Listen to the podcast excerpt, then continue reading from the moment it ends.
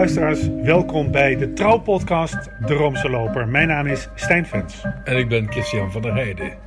Christian, we zijn er een tijdje niet geweest. Dat we er zo lang niet geweest zijn heeft een reden. Want? Nou, jij bent vaak in Rome Ja. geweest. Je hebt daar eh, ook mensen geïnterviewd. Niet alleen Romeinen in Rome geïnterviewd, maar zelfs ook een Romeinse kardinaal in Den Bosch. In Den Bosch, kardinaal Muller, die toch vorig jaar op enigszins onvriendelijke wijze voor zijn diensten werd bedankt door Paus Franciscus. Maar ja, ik, interview kardinalen, maar jij komt ook nog wel eens ergens, hè? Ja, ja ik heb in de pastorie van de Begijnhofkapel aan het Spui in Amsterdam de emeritus hulpbisschop van het bisdom Haarlem-Amsterdam geïnterviewd, Jan van Burgstede. En dit boekje, wat over hem gaat verschijnen, zal worden gepresenteerd bij de nieuwjaarsreceptie van het bisdom Haarlem-Amsterdam. Is toch leuk, hè? Ja, is die eh, nieuwjaarsreceptie voor iedereen vrij toegankelijk? Dat weet ik eigenlijk niet, maar ik zal maar niet iedereen uitnodigen, want voor je het weet, dan hebben we hier zo'n, eh, hoe noemen ze zo'n party, zo'n X-party. X-party op het, op het bisdom Haarlem-Amsterdam. Juist, ja. Even voor de trouwe luisteraars, wat kunnen ze verwachten van het boek? Ik denk dat ik een gesprek heb gemaakt met een zeer oprechte, bescheiden, eh, zeer godsdienstige persoon. eh, waarvan blijkt dat hij nog steeds actief is. Hij is emeritus, hij is, hij is, hij is bijna 83. En hij heeft voor de bisschoppenconferentie nog steeds drie referentschappen. Dus hij houdt zich nog steeds bezig namens de Nederlandse bisschoppen met de interreligieuze dialoog, met eh, het contact met de religieuzen en met de nieuwe kerkelijke bewegingen. Ze kunnen verwachten dat ze daar zijn hele roepingsgeschiedenis in kunnen lezen en dat hij vooral heel veel verering heeft voor het Allerheiligste Sacrament. Want hij is ook pater sacramentijn. Jazeker, dus zijn hele, hele leven is doorwrocht met de devotie tot, eh, ja, tot de hostie. Hè? Dus daarom zitten ze ook in Amsterdam, omdat het Begijnhof, eh, of de Begijnhofkapel, de, de tradities bewaart van de devoties tot het mirakel van Amsterdam gebeurt in 1345 aan de Kalverstraat. hey Christian, mogen we misschien een stukje luisteren? Eh, Dat is goed. Eh, we zullen met het begin beginnen. Hier komt hij. Ehm, wie is Jan van Beurstede? Wat bedoelt hij daarmee? Goeie vraag. Hoe zou u zichzelf willen karakteriseren?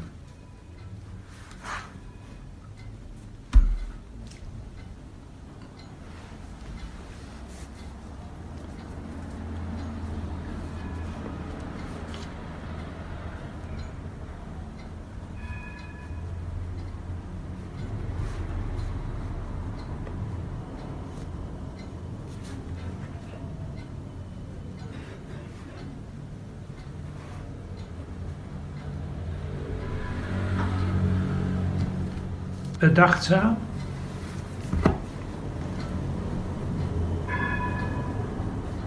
Ja. hm? onderscheidend, zoveel mogelijk als mogelijk is.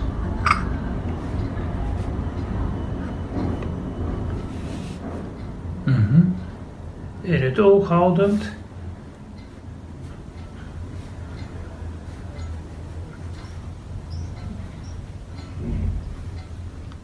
dat iedereen broer en zus is. Maar, maar stel nou, er zijn eh trouwe luisteraars die deze uitzending horen en denken, dat boekje wil ik wel hebben. Dan kunnen ze dat kopen bij de betere boekhandel. En natuurlijk ook op internet. Hè? Oké, heel goed. Ehm, nou, dat hebben we even behandeld. We hebben even reclame voor jou gemaakt. Ehm, ik zou zeggen, laten we eens naar de tv gaan kijken. We are Templars. We are warriors. We're supposed to fight for the Holy Land. The Templars are an army, loyal not to France, but to the Pope. Why do you always imagine conspiracies and plots? These are dark times. We need able men to lead us back into the light. Where's the man that carries this sword? You said you would know what to do. God has given me a chance to correct the past. The Holy Grail is in France. Find it. Our strength is as brothers. Without it, we are lost. We are not the only ones trying to find the Grail. Een serie onlangs toegevoegd op Netflix, gemaakt in opdracht van de History Channel, heet Nightfall. Luisteraars, even opletten, het begint met een K en niet Nightfall, dus geen zonsondergang, maar Nightfall, de val van de Knights, van de ridders.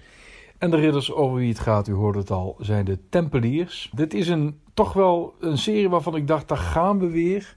Ik hou van, van series uh, met zwaardgekletter, ik vind dat schitterend. Maar zodra het over religie gaat, dan denk ik altijd... de katholieke kerk zal wel weer in het verdomhoekje zitten. -hmm. Daar is vaak ook reden voor, maar dit keer viel het me alleszins mee. Het gaat over de, de Heilige Graal. En die kennen we natuurlijk vooral van heel veel fantasieproducten en comedies, zoals Monty Python, waarover straks meer. De Heilige Graal, wat is dat nou eigenlijk? Ja, dat zou een object zijn geweest.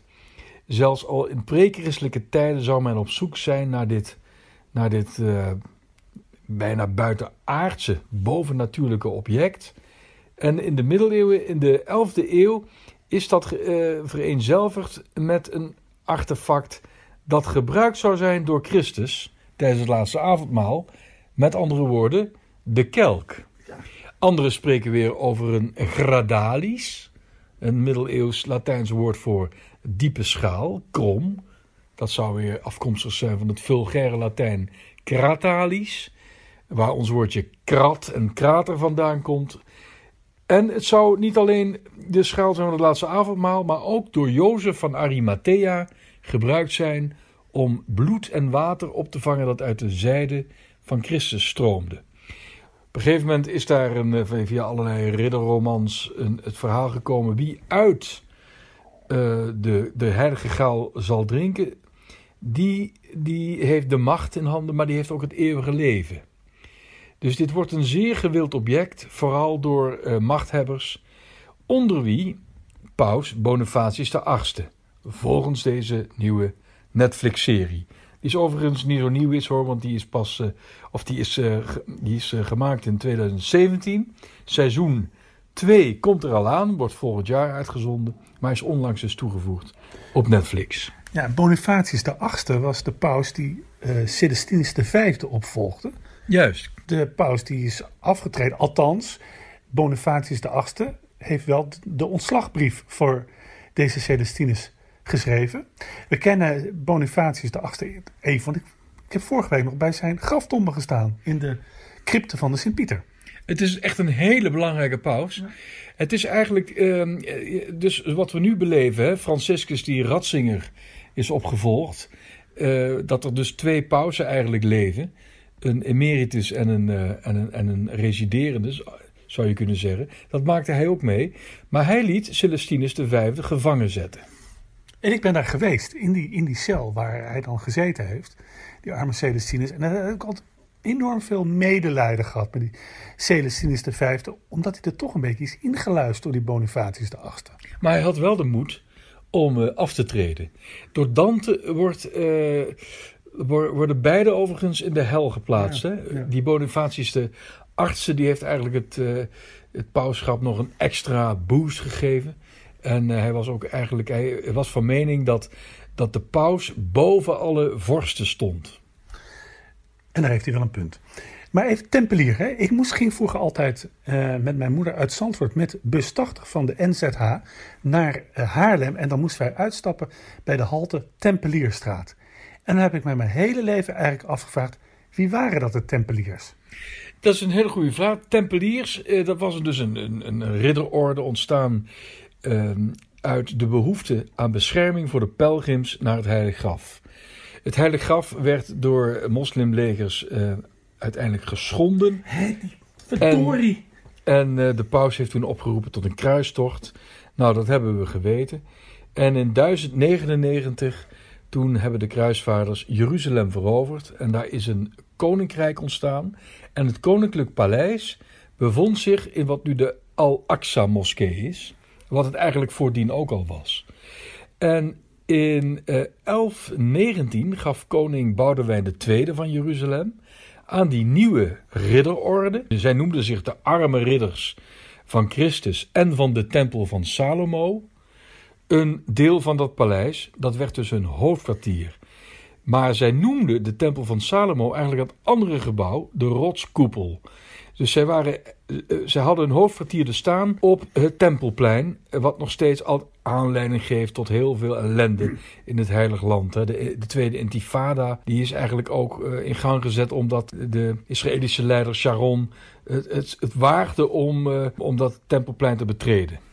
Maar ik heb nu eigenlijk wel even behoefte aan een linkje met die heilige graal. Want daar, zijn we mee begonnen. Ja, nou, eh, Wolfram von Eschenbach, die had op een gegeven moment op basis van een ouder lied eh, van eh Chrétien de Troyes een, een nieuwe versie gemaakt van de zoektocht naar die graal.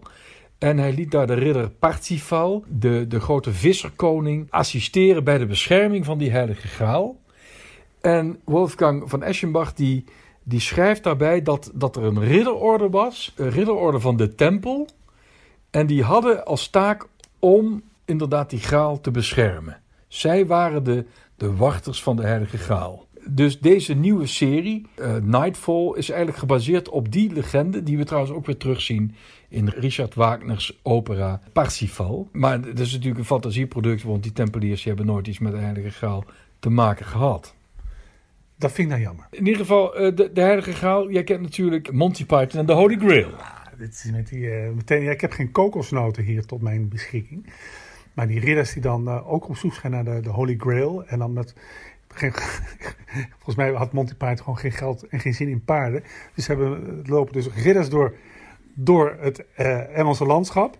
Met 68 mensen met kokosnoten en doen dan paarden naar. Ja, het is een geweldige, geweldige film. Ja, het, is een parodie ook op, eh, op het verhaal van eh, King Arthur en, en de, de ridders van de ronde tafel. Want ook zij waren op een, op een quest, de quest voor de Holy Grail. Die film die heeft ook een, een offspring gehad. Eh, de musical, weet ik alweer? Spamalot. Spamalot, een parodie op Camelot. eh, geproduceerd door en geschreven door Eric Idle. Ehm, daar gaan we nu een stukje naar luisteren. Naar een van de liedjes van deze musical.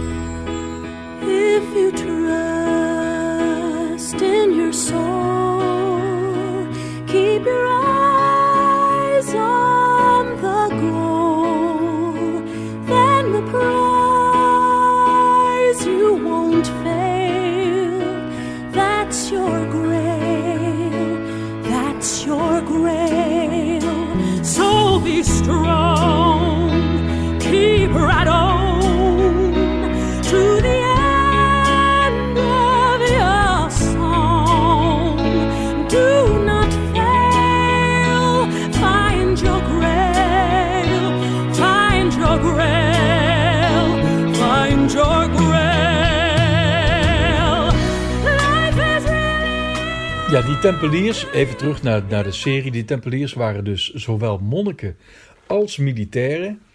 Eh, dus het is een, een serie, eh, Stijn. eh, ja, ik vind het een, een serie die, die thuis hoort op RTL 7. Meer voor mannen. En dus er wordt ontzettend veel gevochten met, met, met zwaarden en heel veel bloed. Heel veel bloed. Maar er is ook ruimte voor romantiek, want de, de meester van de Temple, waarom heet dat zo? Alle afdelingen, grote afdelingen van de Tempeliers in heel Europa, in hun hoofdplaats, eh, hadden een kasteel en dat noemden ze Temple. Trouwens, dat zien we nog terug in Parijs, hè, het metrostation station waar vroeger die, eh, dat, dat hoofdkwartier van de Parijse Tempeliers stond, dat heet Temple. En we hebben in Londen ook een metrostation, dat heet Temple. Dat is dus ook genoemd naar de tempel van de Tempeliers in Londen. Dus er is romantiek, want die meester van Parijs... die heeft een, een, een- een, affaire met koningin Johanna... de vrouw van Philips IV... die ook die graal in handen wil krijgen. Het is wel veel, vind ik allemaal. Wat, maar Het is heel veel, maar daarom Ja. is het ook een serie in Ja. tien afleveringen. En er komt een tweede seizoen. Ik zou hem toch maar gaan kijken. Ja, maar het is romantiek en zwaardgevechten. En het, dus, zoals Herman Vinkers eh, altijd zegt, er is niks mis met seks en geweld, mits door God goedgekeurd. Het is wel amusement. dat je eh, doet nadenken en dat in ieder geval mij heeft aangezet tot het bestellen van een boek. Tot het kopen van een boek. Dan Jones, dat is een, nogal een eh, bekende televisiepresentator bij de BBC. Hij is ook historicus, opgeleid in Cambridge. En die heeft een prachtig boek geschreven, het heet The Templars. The Rise and Spectacular Fall of God's Holy Warriors. En het blijkt dat deze Dan Jones een van de historische adviseurs is van Nightfall. Maar ik kan je één ding vertellen: er is weinig historisch aan. Bijna alle personages die hebben ook echt bestaan. Maar zo wordt er bijvoorbeeld ook gezegd dat Bonifatius de VIII resideerde voor een tijdje in Parijs. En dat is niet waar. Dat kunnen wij niet uh, historisch goedkeuren, hè?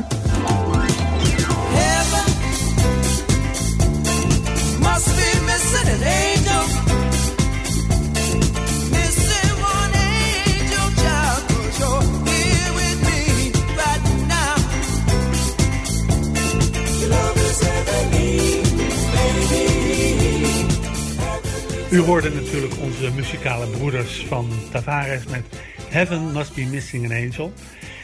Uh, engelen. Ik was uh, nog niet zo lang geleden bij een van de grootste engelenverzamelaars van Nederland. Hoe kun je nou engelen verzamelen? Nou ja, de afbeeldingen van, dus beeldjes en zo. Uh, namelijk de nieuwe bisschop van Roermond, Harry Smeets, die zaterdag 8 december tot bisschop wordt gewijd in Roermond. Ik was daar natuurlijk voor een interview voor het dagblad Trouw, twee weken geleden of zo. Hij woonde toen al in het bisschopshuis in de Paradisstraat.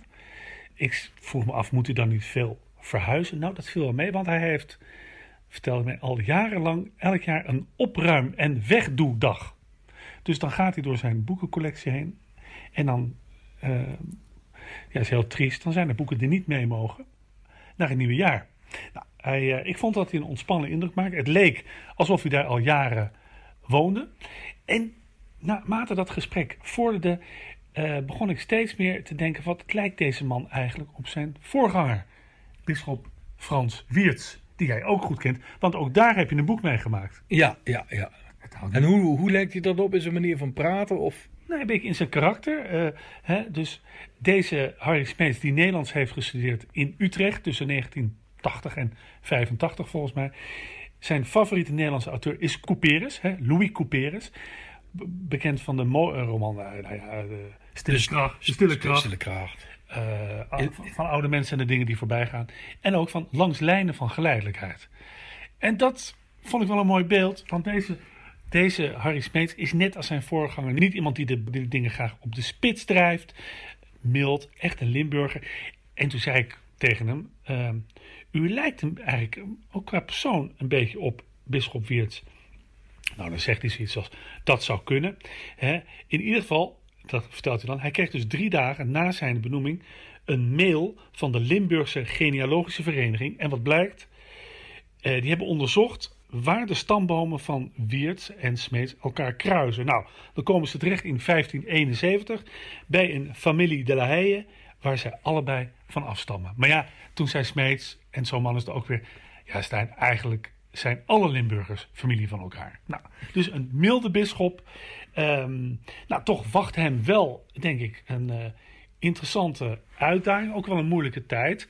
Want wat gaat er gebeuren met al die dorpskerken in Limburg? Hè, die, die, die toch het hart zijn van al die prachtige Limburgse dorpen. Waar toch steeds minder mensen naartoe komen. Nou, hij zegt eigenlijk, we zullen de tering naar de nering moeten zitten. Ook, ook wij zullen toch moeilijke beslissingen moeten gaan nemen. En ik heb hem ook gevraagd naar uh, de beschuldigingen tegen uh, de bisschop die hem tot priester gewijd heeft. Hij behoorde tot de laatste lichting door de bisschop Gijzen tot priester zijn gewijd in 1992. Na zijn dood is Gijzen beschuldigd van seksueel misbruik.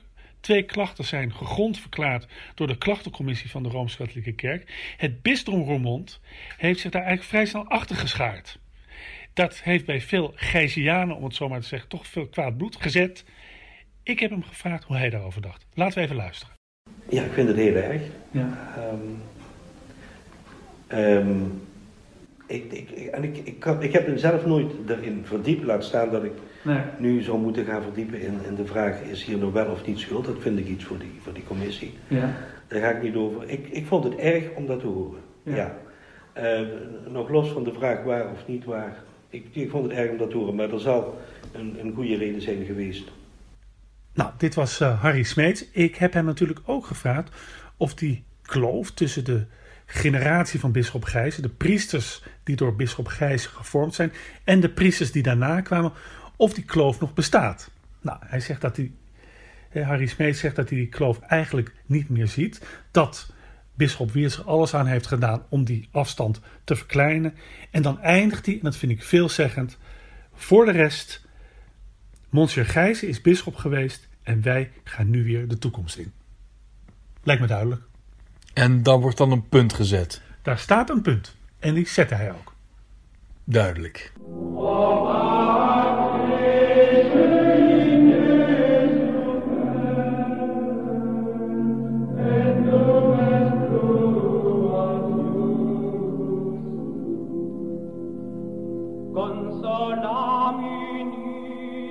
consolamini popole meus, ci do venier salus tuum, vare mero reconsumemus, via innovabile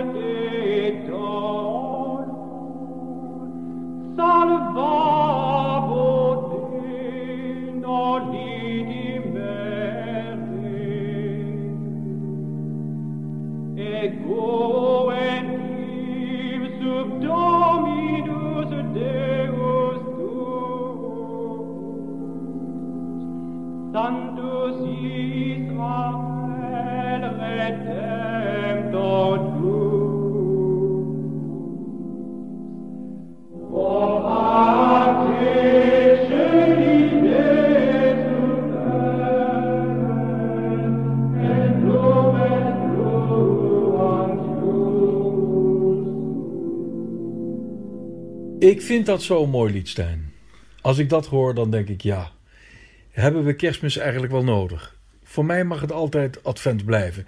Overigens, is het nou advent of advent? Ja, dat is een goede vraag. Ik, eh, advent of advent? Kunnen wij onze luisteraars vragen om, eh, om deze kwestie op te lossen?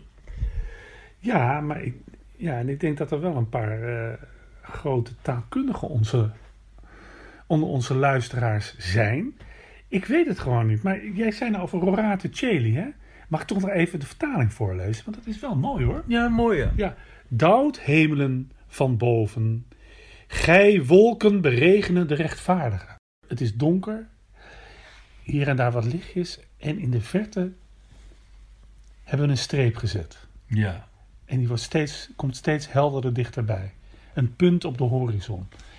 Ja, dat is zo mooi. En met schitterende heiligen ook altijd. Ik noem een Johannes van Damascus. Een Sint Nicolaas van Myra. Een Ambrosius van Milaan. Een Franciscus Saverius. Sint Lucia. Ik- ben altijd toch wel weer bedroefd als het januari is.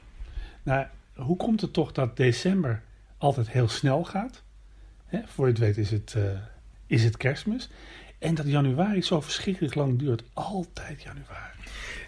Ja, ik moet nog iets anders zeggen. Ik vind het ook het, het, het, het mooie van deze tijd van het jaar... dat dan op een gegeven moment de kerstbijbel van Albert Heijn verschijnt. De Allerhande, het kerstnummer.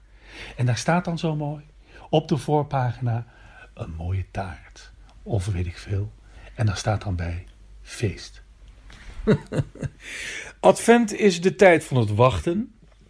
En daarom, Stijn, eh, zullen we ook een stukje eh, literatuur voordragen van de enige echte volksschrijver, katholiek, Gerard Reven.